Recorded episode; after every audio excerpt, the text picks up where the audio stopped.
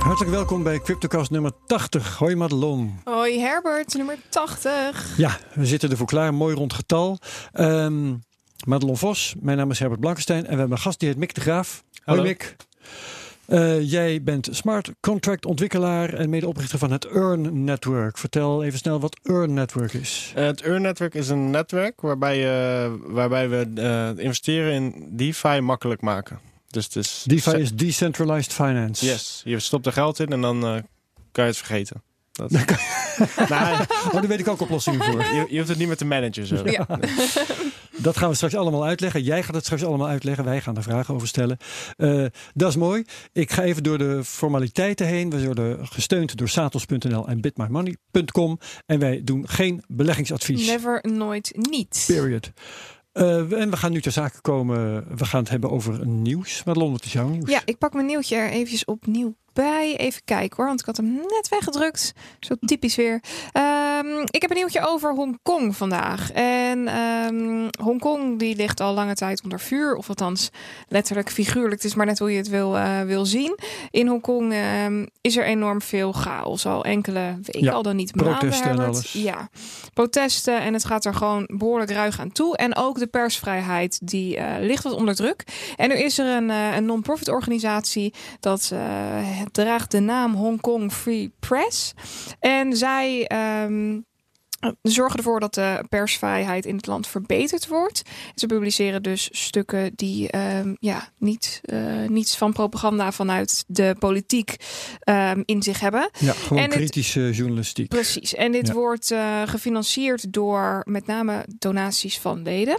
Of eigenlijk veelal door donaties van leden. En het wordt ook gedaan door bitcoin en cryptocurrency donaties. En dan denk je, hé, hey, dat is leuk, want eh, Wikileaks deed dat ook. En die kwamen er heel erg goed mee weg. Toen PayPal hun, eh, hun blokte, werd het eh, alleen maar makkelijker of beter voor Wikileaks om cryptocurrencies te ontvangen. Want de koers van bitcoin steeg heel erg. Dus ze hebben dankzij die boycott juist enorm veel geld verdiend.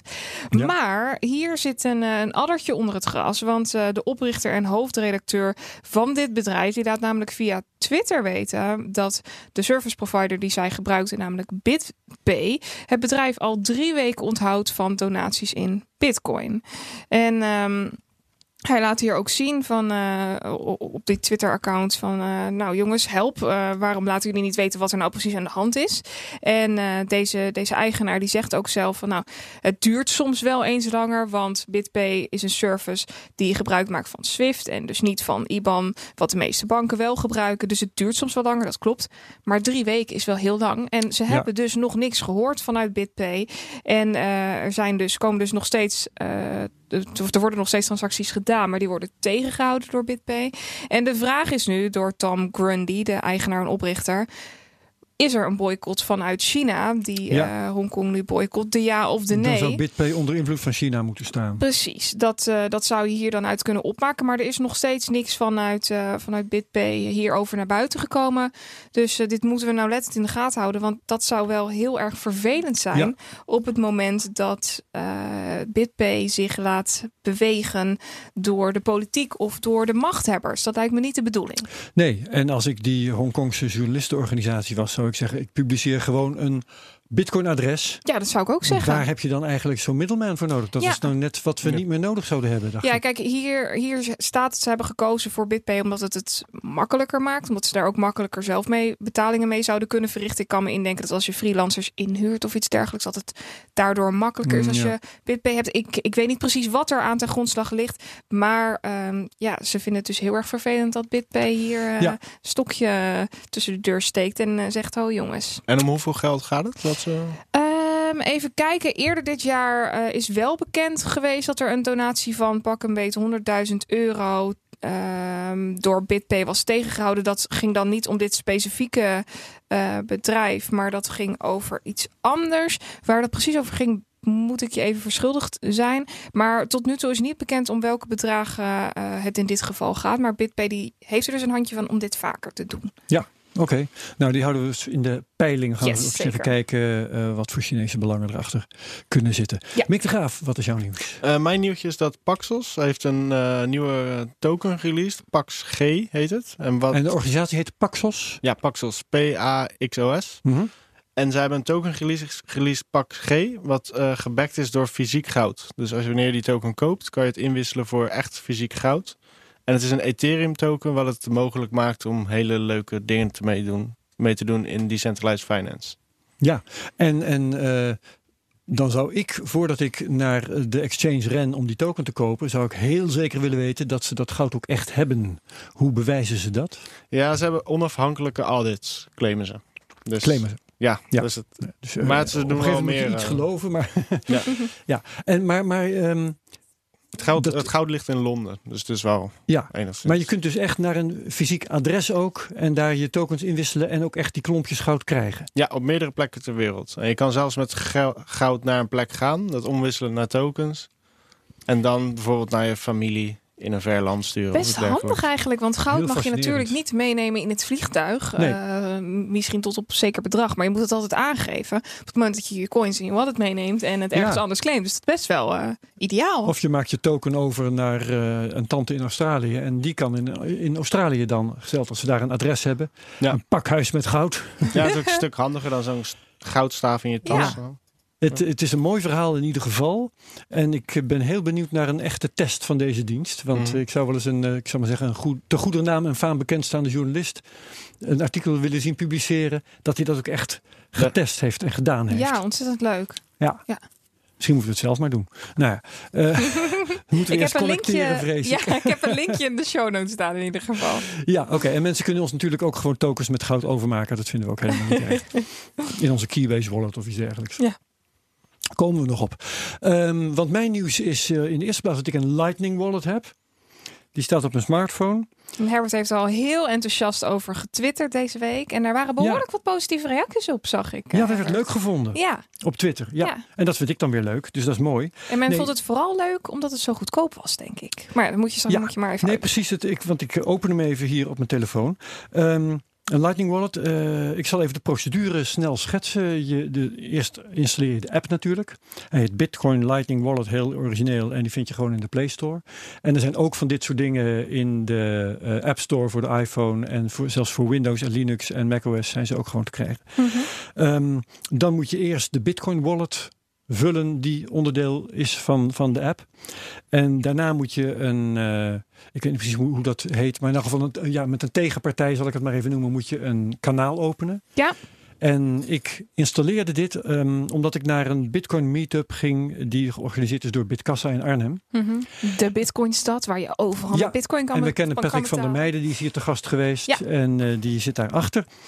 En Patrick heeft me ook een klein beetje geholpen. En Patrick komt ook nog, toch? En hij komt begin oktober komt hij hier en dan gaat hij ook over deze wallet van alles uitleggen Leuk. en een aantal dingen meer. Maar in ieder geval, eh, je installeert die app. Stel dat Dan- ik dit zou willen doen. Wat, wat, wat, Ja, wat nou, moeten we dan... App installeren, Ja, eh, En dat kan wallet vullen met Bitcoin. op iedere telefoon of op iedere computer? Ja, ja, Android, nou, wat ik net zeg, Android, eh, iOS, Oké. eh, macOS, Windows. En dat staat op de zelfs. website van Bitkassa, neem ik aan, hè? Op de site van Bitkassa staat een link naar een rits van dit soort wallets. die Dus die kun je dan heel makkelijk vinden. Yes. Ja. Dus dat.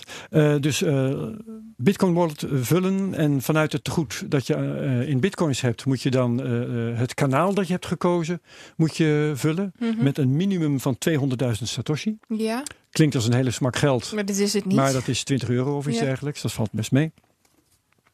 En van- vanaf dat moment kun je lightning betalingen doen. En eh, die Bitcoin Meetup was in een café dat Bitcoin accepteert en dat ook lightning betalingen kan accepteren. Ehm, dus ik moest op een gegeven moment mijn drankjes afrekenen. En heb daar eh, gewoon een, hoe heet zo'n ding, een QR-code gescand. Mhm. En er werd 75.500 Satoshi afgeschreven. Dat is dus 7,5 euro. En dan moet je raden wat de fee was. Heel laag waarschijnlijk.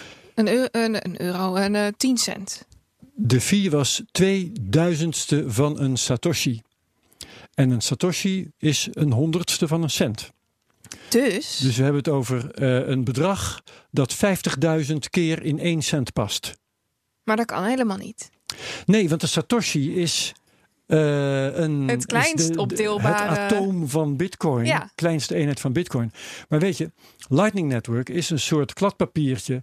waar je over en weer schulden aan elkaar even opschrijft. Wegstreept, ja to- precies. wegstreept tot je ze een keer afrekent op de blockchain. En dan En pas dan wordt het afgerond naar boven ja, naar en dan kun je dus opeens wel in fracties van een Satoshi rekenen. En dat gebeurt dus ook. Dus bitcoin is En eigenlijk oneindig opdeelbaar. Nu wel, ja. En, eh, maar het allerbeste nieuws is natuurlijk dat je krankzinnig lage fees kunt hebben op het Ja. ogenblik. En die heb je dus ook. Ik heb dus, ja, dat, dat soort bedragen, die merk je niet eens.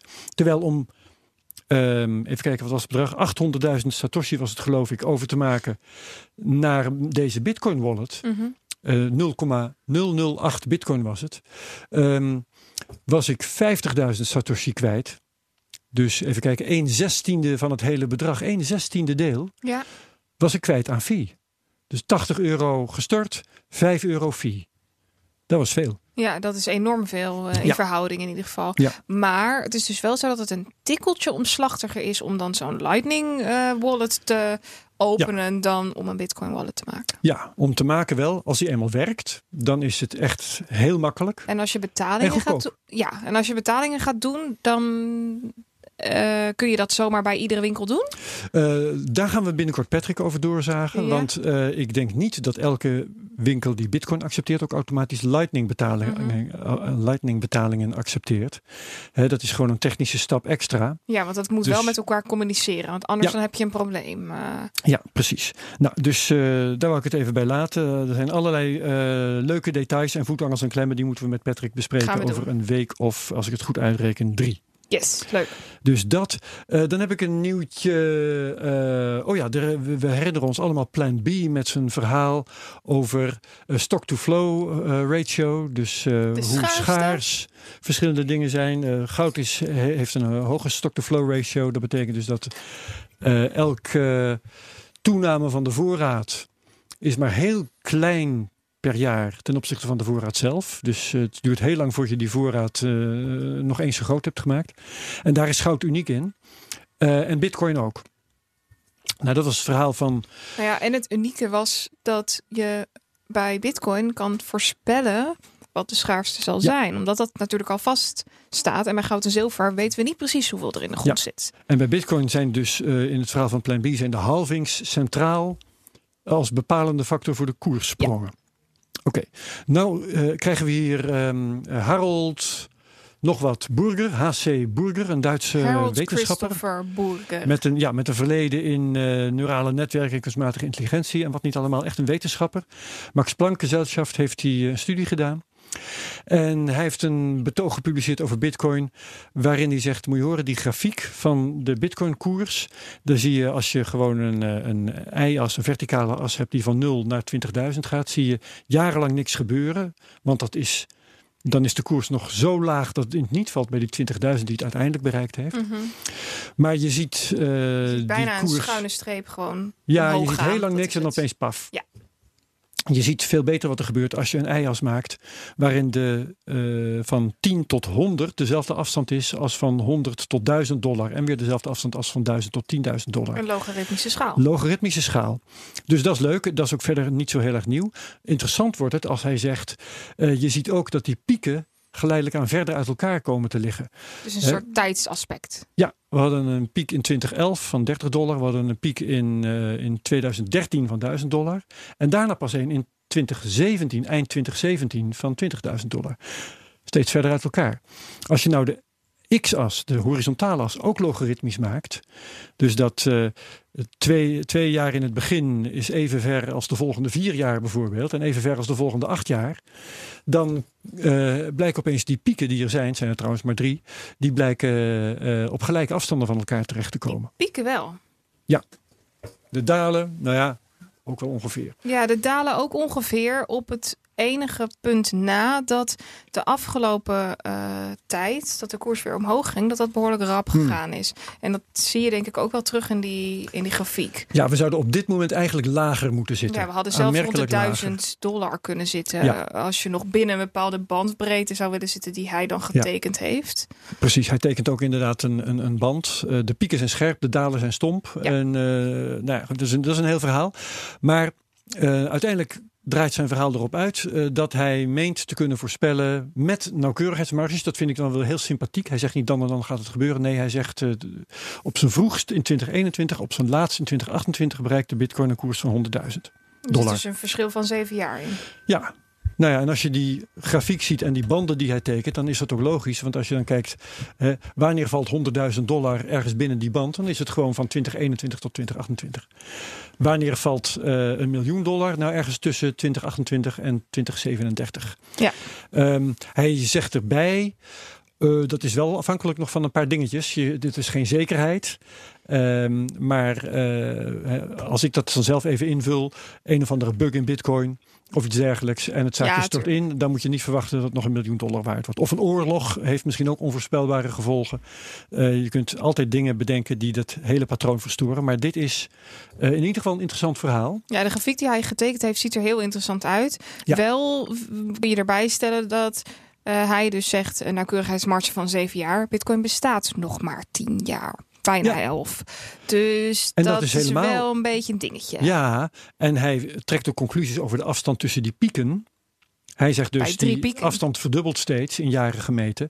Eh, maar er zijn er maar drie. Ja, dus twee keer is dit gebeurd. Hoe groot is dan Ja. de kans dat dat nog een keer gebeurt? Eh, je hebt drie, je hebt eh, drie meetpunten en dan denk je al te weten hoe dat tot in lengte van jaren doorgaat. Precies. Nou, lijkt mij niet zo zeker. Wat wel heel grappig is, je hebt een verhaal dus van Plan B die zegt die pieken hebben alles te maken met de halving, zijn dus op gelijke afstanden. Mhm. En dit verhaal is heel anders.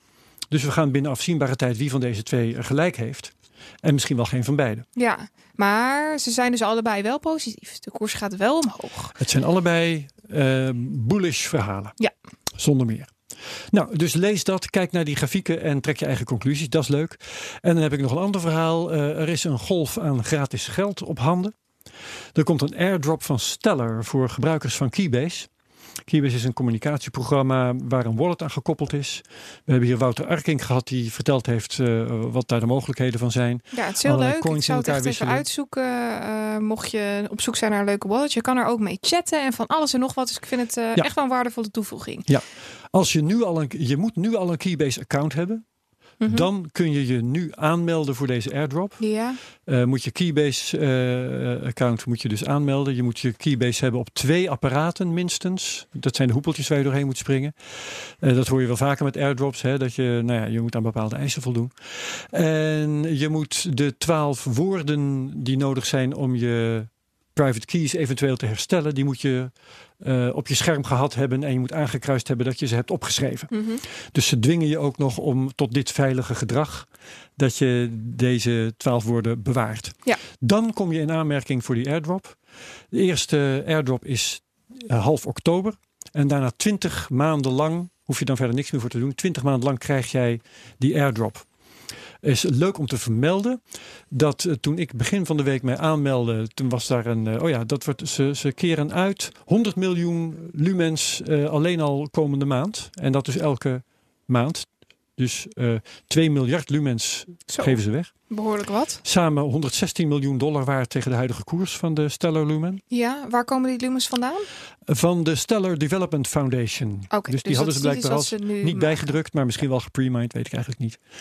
Ehm, maar in ieder geval, toen ik eh, mij aanmeldde, toen hebben ze het deelsommetje op, op hun pagina. Dat gaf aan dat op dat moment, eh, eh, als op dat moment de uitkering zou zijn, zou ik 8000 lumen krijgen. zou 480 dollar zijn, heb ik Mhm. uitgerekend. Ja, En dat dan 20 maanden lang, hè? maar intussen zijn er al zoveel meer mensen dat het bedrag met een factor 4 is gezakt. nou, dat is nog Dus steeds heel veel. Ja, maar het is nu, even kijken, als we dit, as we speak, twa- 12 september. Dus eh, het duurt nog vijf weken Mhm.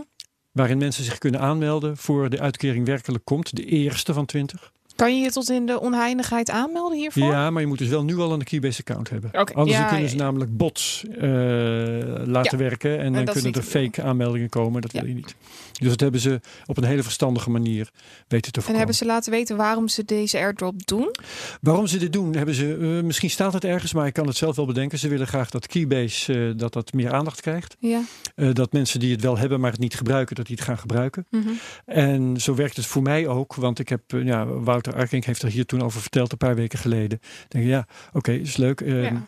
Maar Met intussen- andermans geld gaat het toch net even iets makkelijker om te testen. En precies, Ja. als er vanzelf geld inkomt, Ja. dan denk je, oké, wat zullen we daar eens mee gaan doen? En Mhm. ik heb het dus eh, door allerlei gedoe, heb ik, ik heb bitcoins in die wallet in Keybase, ik heb er euro's in zitten, ik heb geloof ik dollars, ik heb er stellers in zitten, bitcoin.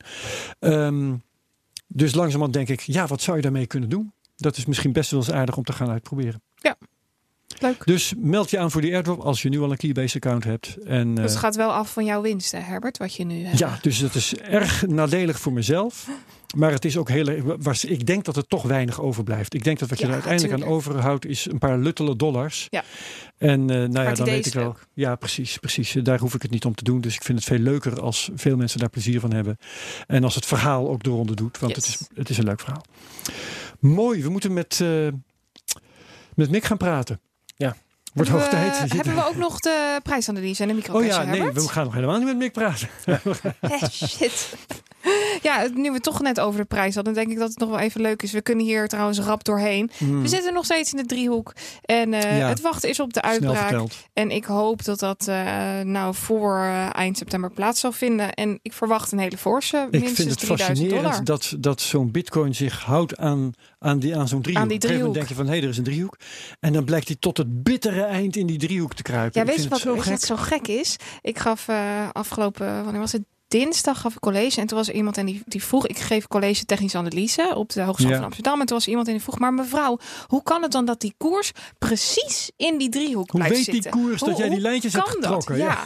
nou, om heel eerlijk te zijn, ik weet het niet. Nee. Dit is een soort van wetmatigheid waarbij, eh, ja, waar, waar, waarbij zoveel mensen op die bepaalde punten letten. Of zoveel bots. Is natuurlijk 80% eh autobot trading. En van begin 2018 tot, eh, wanneer was het ook weer, ergens begin dit jaar, hadden Ja. we ook zo'n driehoek die Ja, maar door bleef gaan. Precies, en we hadden hem in, in 2000, van 2018 tot februari tot november hadden we er eentje. Dat was dezelfde soort driehoek. En toen hadden we van december 2018 tot april 2019 weer eentje. Die liet ons toen omhoog stijgen. En ik ben heel benieuwd wat er nu gaat gebeuren. En het zou echt niet vreemd zijn als we een tik naar beneden krijgen. Maar ja, Ja. Bakt Want speelt volgens ook weer een Boerder rol. hè, is die ruimte naar beneden er eh, wel degelijk nog. Ja, en Bak ja, ja. speelt ook weer, weer een hele grote rol. eh, en op het moment dat dan zo'n bepaalde lijn wordt geraakt, dan ga je zien dat alle stoplosjes of alle limit orders eh, erin schieten. En dan krijg je forse beweging. Dus ik ben super precies, benieuwd. want het, het verhaal van Bakt is, of Bakt is dat je dat zou een, een, een, een, druk naar boven moeten geven. Het, het zou beide kanten op kunnen, kunnen werken. Want Oh. BACT is natuurlijk eh, een,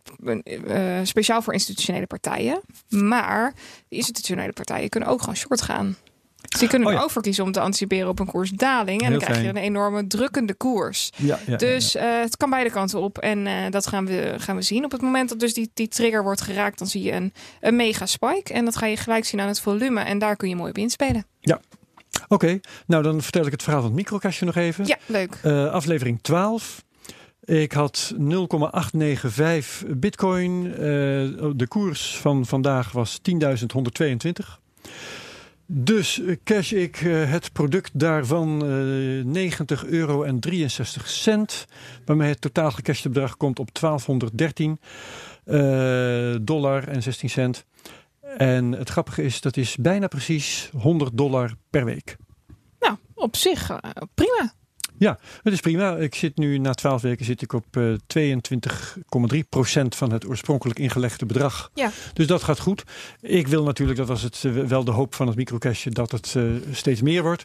Eh, dus wat dat betreft ben ik in gespannen afwachting van eind september. Ja. En zullen we dit, dit ook maar verder kort houden. Eh, ik heb nu nog na het, ehm, eh, het eh, innen van het laatste procentje heb ik nu nog 0,886 Oké. bitcoin over. Nou Mick, nou mag jij. En ik laat Madelon even de vragen stellen. Ja, Mick, ik, eh, ik ben heel erg benieuwd of jij onze definitie van decentralized finance kan uitleggen. Herbert en ik hebben, nou, wanneer was het, een week of twee geleden het hierover gehad. En het leek me heel leuk om hier dieper in te duiken. Maar ehm, decentrale, decentralized finance, ik weet niet eens wat het Nederlandse woord is, blijft toch een heel... Gedecentraliseerde financiën. Ja, zoiets. Blijft een heel obscuur, eh, ja, wazig begrip voor mij. Dus Ja, en het klinkt vooral als een modebegrip. ja, Een buzzword. Ja, net als we, eh, wat hadden we ook alweer op een gegeven moment? Big data en eh, Ja, blockchain is ook zo'n Internet woord. of Things, en precies, blockchain, eh, ja. dit, dit valt wel een beetje in dat rijtje. Dus help ons.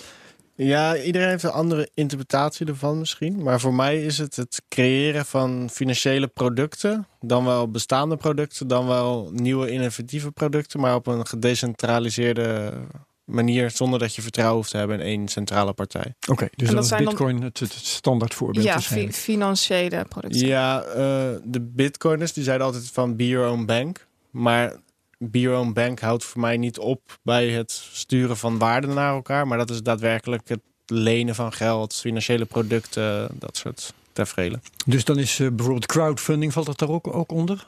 Eh, ja, ja, het Mits is het net- decentraal is dan. Mm, ja, ja, ja, oké, ja. ja, ICO's zouden eronder kunnen vallen. Maar voor mij is decentralized finance meer echte financiële producten, derivaten, indexfondsen, decentraal, Maar ook leningen? trading. Oké, spannend. Leningen ook, ja. Oké. Dus het is heel breed en het is ook relatief subjectief dus eigenlijk. Ja, ja. Oké. En waarom is decentralized finance zo populair? Want sinds januari merk ik dat eh, er steeds meer aandacht op gericht is. En ook dat grote banken, grootbanken, et cetera, centrale banken zelfs hier de focus op leggen. Heb je een idee hoe dat komt? Hmm, hoe het komt. Ja, het is gewoon eh, ja, het is heel interessant. Je kan eh, daadwerkelijk je geld aan het werk zetten. En het gaat gewoon iets verder dan het sturen van waarden naar elkaar. Het is, de enige, het is een van de weinige echte use cases voor blockchain op dit moment die echt wordt gebruikt. Denk je dat banken zich ook een beetje in het nauw gedreven voelen? Dat ze daarom zoiets hebben van dat decentrale, daar zit misschien wel wat in. Misschien moeten we daar ook maar wat mee doen. Hmm, ja, ze voelen zich sowieso naar het nauw gedreven, want zij gaan negatieve rentepercentages hanteren. En dan gaan mensen op zoek naar andere middelen om hun waarde veilig te stellen. Ja. Wat, wat bestaan er op dit moment al voor eh, decentrali- decentralized finance producten? Wat, wat Eh, kan ik krijgen op de markt? Je hebt natuurlijk de decentrale exchanges, wat alternatieven zijn voor de centralized exchanges. Je hebt eh MakerDAO eh, met de stable currency DAI. Dan gaan we zo verder, Oh ja, verder uitgebreid op in. Oké, ja, ja. Die heb je. En, eh, Dus dat, dan heb je het over crowdfunding van, eh, van eh, bedrijfsactiviteiten, eh, zo'n beetje. Nee? Gaan we het zo over hebben? Nee, dat is een eh, stable currency. Oké. En voor de rest decentrale exchanges, eh, manieren voor margin trading, dat soort. eh, Ja, en je had het over lenen. Kan ik ook eh, op de vrije markt geld lenen als decentralized finance product? Ja, decentralized finance leningen zijn wel gebaseerd op onderpand. Dus je moet wel iets Mhm. hebben wat eh, tenminste net zoveel waard is als het bedrag wat je leent. Dus dat zou dat goud kunnen zijn waar jij het net over had, Pax. eh. Ja, het zou goud zijn, kan ook Ether zijn, kan binnenkort op Ethereum ook Bitcoin zijn. En vind je deze Ja. beweging positief dat het nu meer gaat om decentralisatie? Want er valt natuurlijk wat voor te zeggen. We kozen met z'n allen voor eh, cryptocurrencies die zo decentraal mogelijk waren, et cetera, et cetera. En dan kom je bij de exchanges uit, want je wil graag handelen. Sommige mensen willen wat geld verdienen. Eh, anderen gebruiken het om hun cryptocurrencies op te slaan, et cetera. En ehm, daardoor kwam er heel veel macht te liggen bij exchanges. Heb jij het idee dat het positief is dat de focus nu verschuift naar het decentrale? Ja, want waarom zou je anders cryptocurrencies bezitten als je ze op een bankaccount-achtig iets gaat zetten? Wa- Wat, wat, wat zie je dan als, als. Waar zit dan het belang? Zit dan het, echt het belang bij de consument, bij ons? Ja, je waarde is veiliger wanneer het decentraal is opgeslagen. Als ik meer dan 100.000 euro in een bankrekening heb dan, en de bank valt onder, ben ik de rest kwijt. Waar En- dat niet zo is bij cryptocurrencies. En, en waar zit hem dan het verschil? Dus, dus eh, stel dat ik een Bitcoin wallet in de cloud zou hebben, is dat dan ook al. Valt het dan ook al onder decentrale eh, financiële producten? Diensten? Mm, ja, dat is meer currency. Ik weet niet of dat echt financiële producten zijn. Oké. Maar als je bijvoorbeeld een indexfonds bezit wat decentraal is, dan is het wel weer een, een decentraal financieel product. En, en dus het is vooral positief voor de consument. Maar zijn er dan ook risico's aan verbonden? Want ik kan me ook indenken dat decentralisatie of überhaupt iets volledig decentraal geregeld zou kunnen worden, dat vraag ik me af. En daarnaast wat de risico's daarvan zullen zijn. Eh, de, je hebt geen economische risico's, om het zo te zeggen. Dus je hebt geen risico op een bedrijf wat failliet gaat of een bank die omvalt. Ja. Maar je hebt wel technologische risico's in de zin van dat smart contracts niet altijd werken zoals ze zouden moeten werken. Zoals we hebben gezien bij de DAO en dergelijke. Dat En het- security risico's eh, Ja. ook waarschijnlijk. Want Ja. Misschien bedoel je daar hetzelfde wel mee eigenlijk. Of bedoelde je daar niet hetzelfde mee? ja, security risico's qua de code inderdaad. Ja. Ja. Maar die risico's heb je natuurlijk ook bij Bitcoin dat Bitcoin kapot kan. Ja, of dat je je wachtwoord slash eh, keys kwijtraakt. Ja. Maar de, het risico dat een bank omvalt, dat vervalt natuurlijk. Of dat een exchange omvalt, et cetera. Ja, dat risico De derde partijrisico valt weg. Dus als er iets misgaat, dan is het je eigen schuld of degene die het smart contract heeft geschreven. Ja. En hoe, hoe controleer je dat dan op het moment dat die risico's erbij komen? Kijk, kijk, ik kan ervoor zorgen dat ik mijn eh, wallet zo veilig mogelijk maak dat ik ergens mijn eh, private key opsla, of weet ik veel wat, seed opsla moet ik zeggen. Ehm, maar zo'n risico voor zo'n smart wallet, dat lijkt me best lastig, of smart contract lijkt me best lastig te controleren. Ja, je kan het risico ook niet echt uitdrukken in een nummer of zeggen van het is zo risicovol. Mhm. Eh, je kan de risico's wel afdekken door producten te gebruiken van, van mensen die dat hebben gemaakt, die ook onafhankelijke audits hebben laten doen. Dus dat er mensen zijn met verstand die naar die contracten hebben gekeken. Ja. En als er heel veel waarde voor een hele lange periode in heeft gezeten, dan heb je een perceptie van veiligheid. Omdat anders het geld al lang gestolen zou zijn. Dus hetzelfde met Bitcoin zou je dus kunnen zeggen: Bitcoin is relatief risicovrij, want het bestaat al tien jaar. Ja. Ah, oké. En jij, jij zegt een, een, een bank kan omvallen en gedecentraliseerd, dan kan dat niet. Ehm, maar eh, ook een gedecentraliseerde exchange bijvoorbeeld, Mhm. eh, die is ergens in ieder geval op internet. Mhm. Je gaat op een of andere manier eh, ga je naar een website of iets dergelijks. Ehm, is die dan in die zin niet gecentraliseerd? Dat hij op een bepaald IP-adres staat of een bepaald domein staat? Een Ja, bepaalde dat, server? dat is natuurlijk een probleem, want je hebt de smart contracts die draaien dan op de blockchain. De user interface is vaak nog ergens centraal gehost. Hm. Eh, wordt die user interface overgenomen, dan ben je opeens transacties aan het ondertekenen die hele andere dingen doen. Dus dat is Ja. nog wel een centraal punt wat kan falen. Maar er zijn wel decentrale alternatieven, zoals het Ethereum Name System voor domeinen.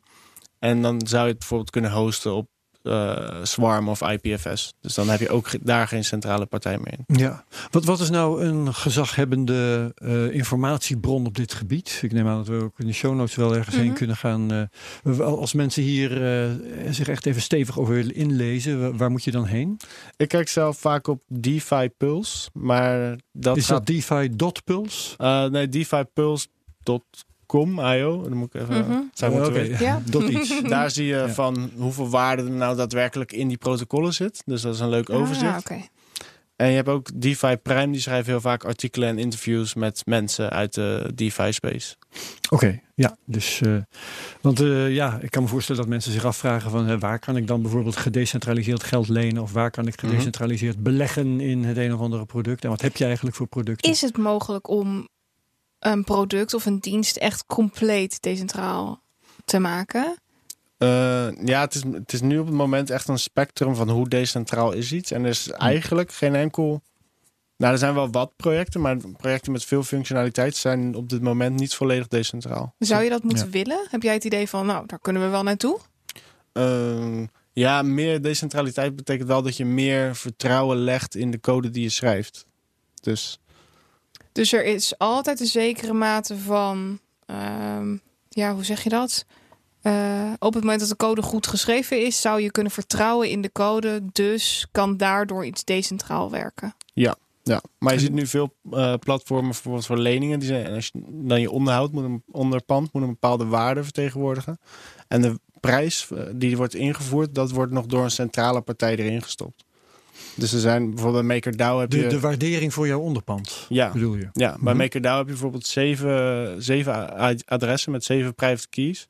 Die de prijs van Ether in dollar uitdrukken. Die dat bepalen. Dus al weet je hun te vinden en hun te beïnvloeden, dan komt er opeens een hele andere prijs uit. Ja, en eh, je, je, moet, je zegt al, Ether kan een onderpand zijn. Maar dan moet je neem ik aan bewijzen op een of andere manier dat je een bepaalde hoeveelheid Ether hebt. Ja, die Ether die sluit je op in een smart contract. Dus Ah. Ah, bijvoorbeeld bij MakerDAO eh, kan je een CDP openen, een Collateralized Debt Position. Daar lok je Ether in en dan moet je 150% onderpand hebben. Dus als je 15 Ether hebt, kan je ter waarde van, va- van 10 Ether DAI printen. Dus dan is het een soort Ja. van atomic swap-achtig systeem. Ehm, ja, Atomic Swaps zijn meer voor cross-blockchain dingen. Zeg maar, op de Ethereum blockchain en Mhm. DAI blijft ook op de Maar hij wordt ook zeg maar zo afgeschermd, zo geblokt dat je er niet meer bij kan op dat moment. Ja, ja. En pas als je je DAI weer terugbrengt, dan kan je je onderpand weer terugkrijgen. Eh, Wat, wat ik me afvraag, op het moment dat eh, alles richting decentraal zou gaan, of veel van deze financiële producten richting het decentrale systeem zouden gaan, dan is het dus zo dat de marge voor bedrijven ook behoorlijk omlaag gaat. Want als bedrijf zijn, het doe je een stuk minder. Een exchange haalt er natuurlijk marge tussenuit. Uh, op een decentrale exchange gebeurt dat vrijwel niet. Uh, in ieder geval minder. We hebben Chris van Maarsveen gehad die hier ja. met ons over gesproken heeft. Um, valt er dan nog wel geld te verdienen? Als alles straks wat meer richting decentraal gaat? Door de consumenten wel. Uh, de marge. Ja, die wel, maar als bedrijf zijnde. Ja. Uh, als ontwikkelaar zijnde kan je bepaalde fees inbouwen. Ja. Die zijn dan wel vele malen lager dan wat een bank zou rekenen. Mm -hmm. Maar doordat je niet zo'n hele overhead hebt van een hele organisatie, banken met ja. beveiliging en dergelijke, kan je met kleinere marges nog steeds geld verdienen. Dus ja. de kosten liggen ook lager. Dat is eigenlijk waar Ja. het dan op neerkomt. Kan je wat vertellen over jouw bedrijf? Want jij zei net... Mag ik eh, eerst even, oh, want ik heb nog één, één vraag over wat je eerder zei.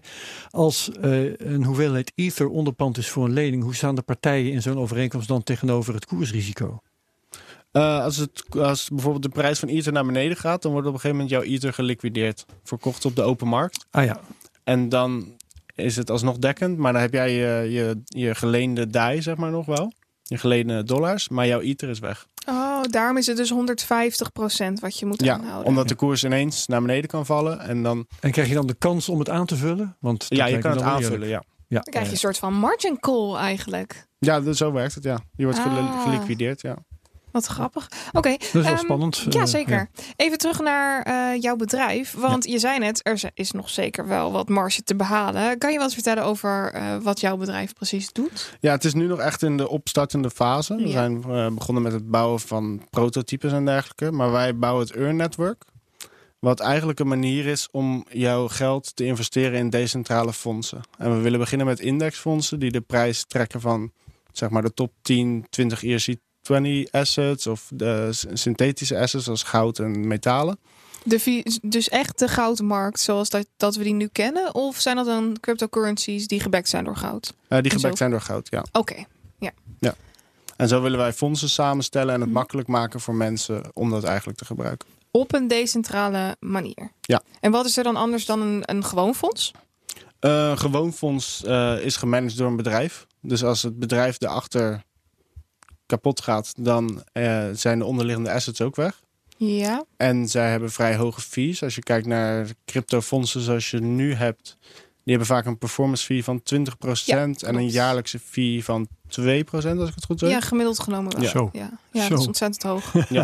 Maar wij kunnen dus zonder performance fee en dan een jaarlijkse fee hanteren die, die lager is. En dat komt dus omdat de kosten ook veel lager liggen. Omdat je dus ehm, alles decentraal of veel decentraal regelt. Ja, wij zetten het in feite online en doen dan eigenlijk niks meer. Hoe, hoe moet ik dat voor me zien als je zo- zo'n prototype bouwt? Wat, wat gebeurt er dan? Eh, hoe zie je dat? Ja, je, ja, we bouwen nu eh, een soort van fund management systeem. Ja. Wat kan connecten met decentrale exchanges. Maar bij decentrale exchanges heb je het probleem als je opeens een hele grote orde eruit gooit. Dat je het hele orderboek wegvaagt. Dus Ja. daarom werken wij met Dutch Auctions, die het altijd tegen een eerlijke prijs veilen. En op die manier kunnen we decentraal prijzen bereiken, bereiken Mhm. omdat je de markt drijft de prijs eigenlijk. En dan kan je dat weer uitlezen en zeggen van... oh, zoveel doen we in, dit, in deze currency, zoveel in deze currency en zoveel van deze currency. En dan balanceert het zichzelf. En dus, dus als consument kan ik niet zelf kiezen waar ik eh, in beleg. Ik stap gewoon in het fonds. En jullie zijn degene die kiezen voor eh, hoe dat fonds dan weer verdeeld is. Eh, ja, maar er zijn meerdere fondsen. En mensen zouden in principe ook een fonds kunnen voorstellen... om in het systeem te laten zetten. En daarbovenop Ah. willen we een decentrale organisatie bouwen... die dat in de gaten houdt. Dat is een soort van bankregulator. or- organization die dan Ja. zelf... Die dan zegt van, oh, dit is een goed fonds. Dit is niet, hier zitten geen scammy shitcoins in. Mhm. dit laten we toe voor onze Een gebruikers. soort om daar- keurmerk. Ja, een decentraal keurmerk wordt het. Ja. Spannend. nog even terug, we hadden het net over, over MakerDAO. Kun je daar wat over vertellen? Want het is natuurlijk het grootste voorbeeld die, Mhm. die er is. Ehm, ik had toevallig hier een, een vraag van Simon de Groot op Twitter. En die vraagt: Wat vindt Mick van MakerDAO en de stablecoin DAI? En hij, zegt, hij vraagt ook: Zou MakerDAO een vervanger kunnen zijn van onder andere de Fed, de centrale bank, de Europese centrale bank, met een stablecoin die het gewogen gemiddelde is van de euro, de dollar en bijvoorbeeld de Chinese yuan? Ja, dat zou kunnen. Een vervanger van allemaal tegelijk kan niet. Want eh, het is de Fed die de dollar uitgeeft. Dus als je DAI hebt wat eh, de waarde van de Kan je eerst even uitleggen wat, wat DAI is? Laten we, dat, Oh ja. laten we daar Ja. beginnen. Uh, DAI is een stablecoin Mhm. die altijd 1 dollar is. Althans, die schommelt een beetje er rond. Dus 99 Procentje cent, of zo, 1 ja. dollar Ja. 1. Weet je, daar schommelt het ongeveer. En dat wordt eh, in plaats van eh, de traditionele stablecoins eh gepakt door algoritmes in plaats van bankaccounts van bedrijven. Zoals je ziet bij USDT en Coinbase, US dollar. Ja. Gebackt door een algoritme, hoe moet ik dat dan voor me zien? Ja, dus wanneer je DAI wil minten of wil creëren, dan lok je Ether. En dan moet je 150% in waarde Oh ja, aan Ether net lokken. uitgelegd hebt. En dan kan je DAI minten. dus de waarde die in DAI zit, die bestaat daadwerkelijk echt, maar dan in een andere coin uitgedrukt. Ja, die is, ja, het is een synthetische dollar. Oké, en wat heeft dat dan te maken met MakerDAO? En MakerDAO is het, eh, het protocol erachter, zou je het kunnen noemen. Oké, dus waar je de Bitcoin blockchain hebt, heb je Bitcoin als currency en de blockchain als protocol. Eh, ja. Ja. Oké. En hoe zou dat dan als vervanger van een FED of een ECB kunnen fungeren? Eh, nou, als je dus de waarde laat afhangen van fiat currencies, kan het het niet vervangen. Mhm. Alleen het is een vervanging voor normale bankaccounts. Oké. Ja, want je hebt je dollars in je eigen wallet. En Ja. eh, er staat zoveel ether tegenover dat het daadwerkelijk eh, gebackt is. Ja. Maar als je een currency baseert op een andere currency, ben je nog steeds afhankelijk van die andere natuurlijk. Dat is waar. Ja. Maar je zou inderdaad ook eh, gewogen gemiddeldes kunnen maken, gebaseerd op meerdere currencies. Dat, Dus dan kun je een soort van valutamandje, Libra-achtige currency maken, Ja. waarbij je een, een, een eh, mandje maakt, wat dus dan gebaseerd zou zijn op dollars of op Chinese yuan, die je dan weer zou lokken. Ja. En wat is het voordeel van DAI ten opzichte van Bitcoin? Eh, DAI is stabiel. Ik, ik, ja, ik, zou ik ben zelf niet heel dol op om in bitcoin te betalen. Want Nee. de volgende dag is het veel minder waard. En ook als bedrijf zijnde, als jij eh, bitcoin accepteert... Mhm. en vervolgens klapt die hele prijs in elkaar... maar je bent nog steeds de belasting verschuldigd over de oors- oorspronkelijke waarde... In, in- bijvoorbeeld voor de BTW... dan is het niet heel gebruiksvriendelijk, vind ik. Maar DAI zou dan dus uitgedrukt worden in DAI, vermogen in DAI. En niet zozeer in het vermogen van de coin die jij vastzet. Dus niet eh, de Ether of eh, wat je dan ook maar lokt. Mhm. Ja. Want het kan best zijn dat ehm Ether, wat daar dus tegenover staat, dat die ineens halveert in prijs. Ik noem maar even een zijstraat. Mhm. Ehm, wordt dat dan, wordt dan ge- gepakt of wordt dan juist DAI? Dan wordt eh, Ether verkocht als de prijs van Ether daalt. Oké. En op de- als de prijs juist omhoog gaat van Ether... kunnen de mensen die zo'n eh collateralized debt, debt position hebben gemaakt... juist weer meer DAI printen. En als we kijken naar ehm, de smart contracts, want in hoeverre worden hier smart contracts bij gebruikt in dit, in dit systeem? Behalve dan bij het lokken van eh, de, de Ether bijvoorbeeld? Eh, voor alles. Het liquideren zelfs. Tot Ja. het hele systeem is smart contract gebaseerd. Ik heb hier een. Tot het stemmen van de fees die er bij, eh, bij gelden is het ook allemaal smart contracts. Even kijken hoor, want hier staat een vraag op Twitter van Crypto Moustache. En hij zegt: wat voor impact zullen smart contracts hebben op de samenleving? En op welk termijn zullen smart contracts grootschalig worden gebruikt? Als ik dan nu jou hoor, dan wordt dat al lang gebruikt. Ja, dan hangt het af van je definitie van grootschalig. Ja. ja. Maar als we kijken naar wat er gelokt is in DeFi op het moment, volgens Ja. mij, als ik het uit mijn hoofd goed weet, is dat zo'n 500 miljoen dollar op het moment. Zo, dat is Dus- behoorlijk wat. Dat is behoorlijk wat, maar in het grote geheel is het Mhm. een druppeltje. Ja, en denk je dat dit ehm, in de toekomst meer zal worden? Dat dit meer gebruikt gaat worden? Dat er meer vraag zal zijn naar smart contracts? Eh, ja, ik denk het wel. Want je hebt geen eh, derde partij meer nodig om een overeenkomst af te dwingen. Als wij een overeenkomst met elkaar sluiten en een van ons houdt ons niet aan die overeenkomst, dan moeten we naar de rechter. Maar bij een smart contract heb je een overeenkomst en je kan niks anders doen dan die overeenkomst. En waar zou dan de grootste vraag liggen naar die smart contracts? Want wij hebben toevallig Herman Visia in de studio gehad vorige week Ja. was dat. Ja. En eh, die had het voornamelijk over STO's, waarbij smart contracts veelvoudig gebruikt worden. Is dat dan de markt waar dit opkomend is? Of zijn er andere dingen in de decentralized finance waar eh, smart contracts veel gebruikt worden?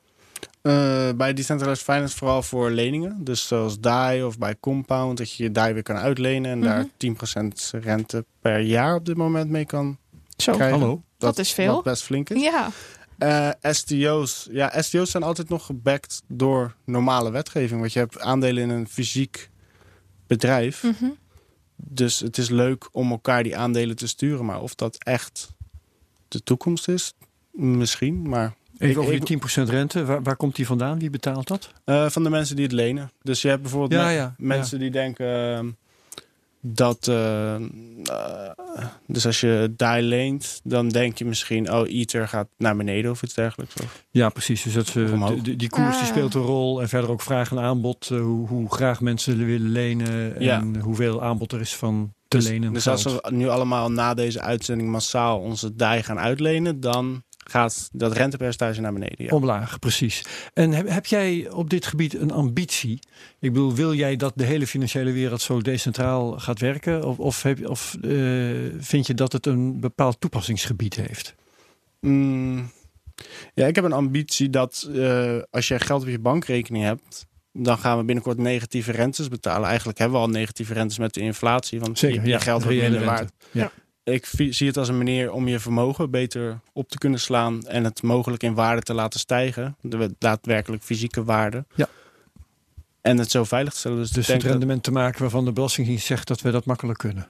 ja, nou, meer dan dat. Ja. En meer dan dat, ja. Ja. Ehm, en en eh, ja, eh, tegenover rendement staat doorgaans risico. Mhm. Dus als ik 10% rente kan krijgen, welk risico staat er tegenover? Eh, geen economisch risico, alleen technisch risico.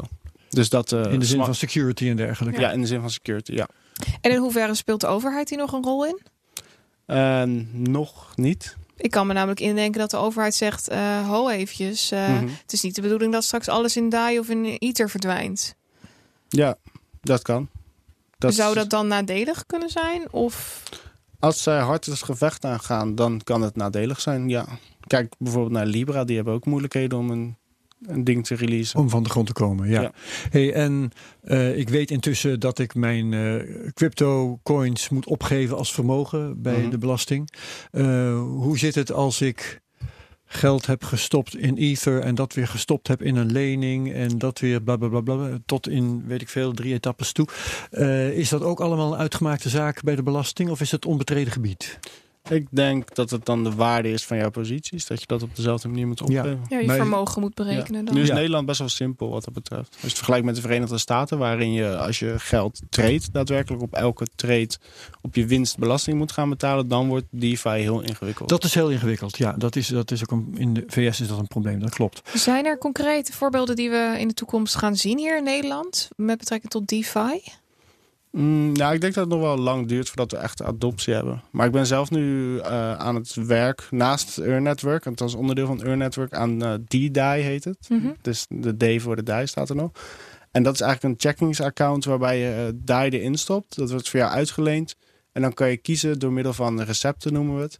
Van ik wil dat de rente wordt betaald in bitcoin. Of ik wil dat mijn rente keer vier short gaat op bitcoin. Dus dat soort dingen, daar zijn leuke toepassingen voor. Ik denk als mensen de negatieve rente zat worden, dat dat soort dingen wel adoptie kunnen krijgen. Dat je dus met je rente, dat je kunt kiezen wat je met je rente doet als je überhaupt al rente krijgt. En dat is op deze manier dus makkelijker. ja, ja. Nou, vooral ook kunt kiezen voor iets anders dan negatieve rente. Ja, dat lijkt me de Ja, en ook dat je kan investeren zonder economisch risico. Want als jij bitcoin koopt, dan heb je een risico dat die prijs naar beneden gaat. Als jij alleen maar bitcoin koopt met de rente die je krijgt, Ja. dan heb je altijd je Zeker. initiële investering nog. En dat, dat echt ook nog in mijn hoofd, eh, die 10% rente zonder risico, anders dan technisch risico. Eh, dat durf jij te zeggen, omdat er smart contracts aan eh, ten grondslag liggen, realiseer ik me nu. Zo, Ja, zo is het toch, hè? ja. Ja. En Dus- al die leningen zijn met onderpand. Dus iemand kan niet eh defaulten van zijn lening. Als het Nee, en als het onderpand ten waarde daalt, wordt het verkocht. Dus ik krijg inderdaad onder alle omstandigheden mijn geld terug.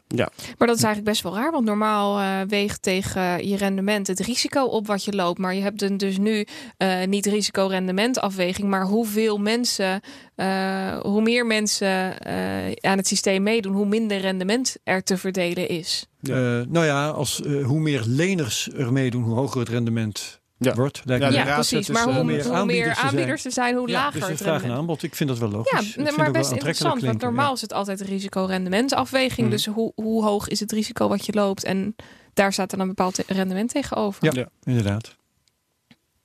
Yes. Mhm. Jij bent klaar? Ja, dat was hem.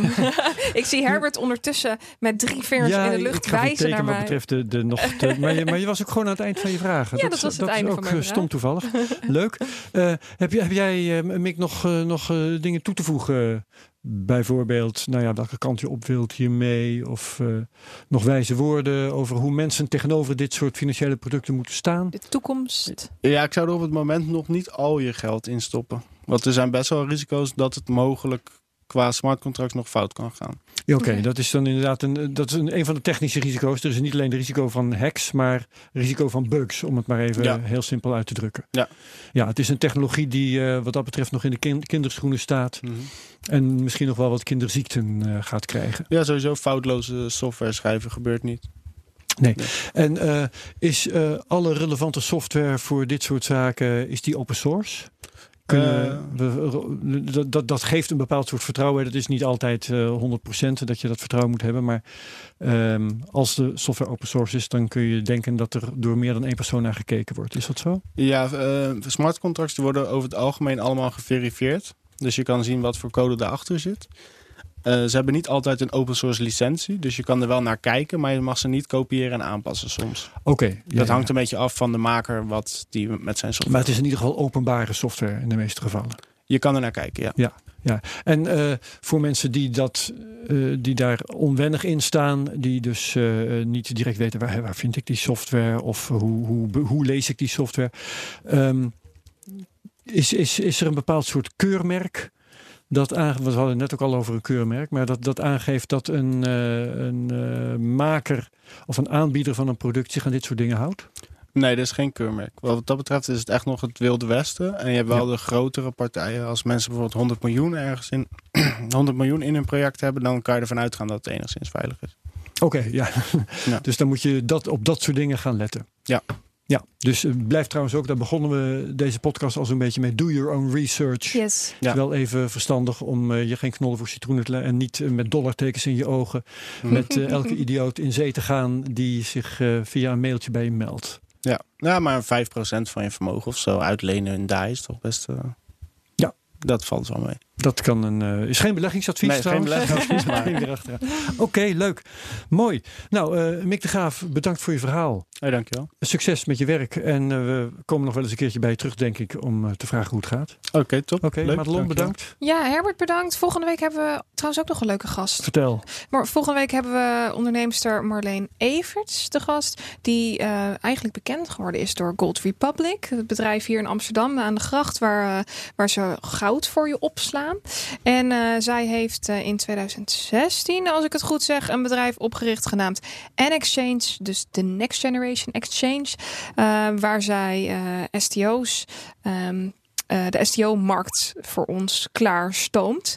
En dat is heel interessant. Daar gaan we het uitgebreid met haar over hebben. Dat volgende week. Oké, meer grensverleggende crypto producten. Yes. Oké, eh, vind je CryptoCast leuk? Kun je op iTunes, als je daar je podcast vandaan haalt, reviews achterlaten. Kunnen andere liefhebbers ons beter vinden. Op Twitter kun je onze podcast delen met de mention at CryptoCastNL. En dat is ook de Twitter-handle waar je met ons kunt communiceren. Dit was CryptoCast 80. Iedereen bedankt. En tot de volgende keer. Dag. Doei.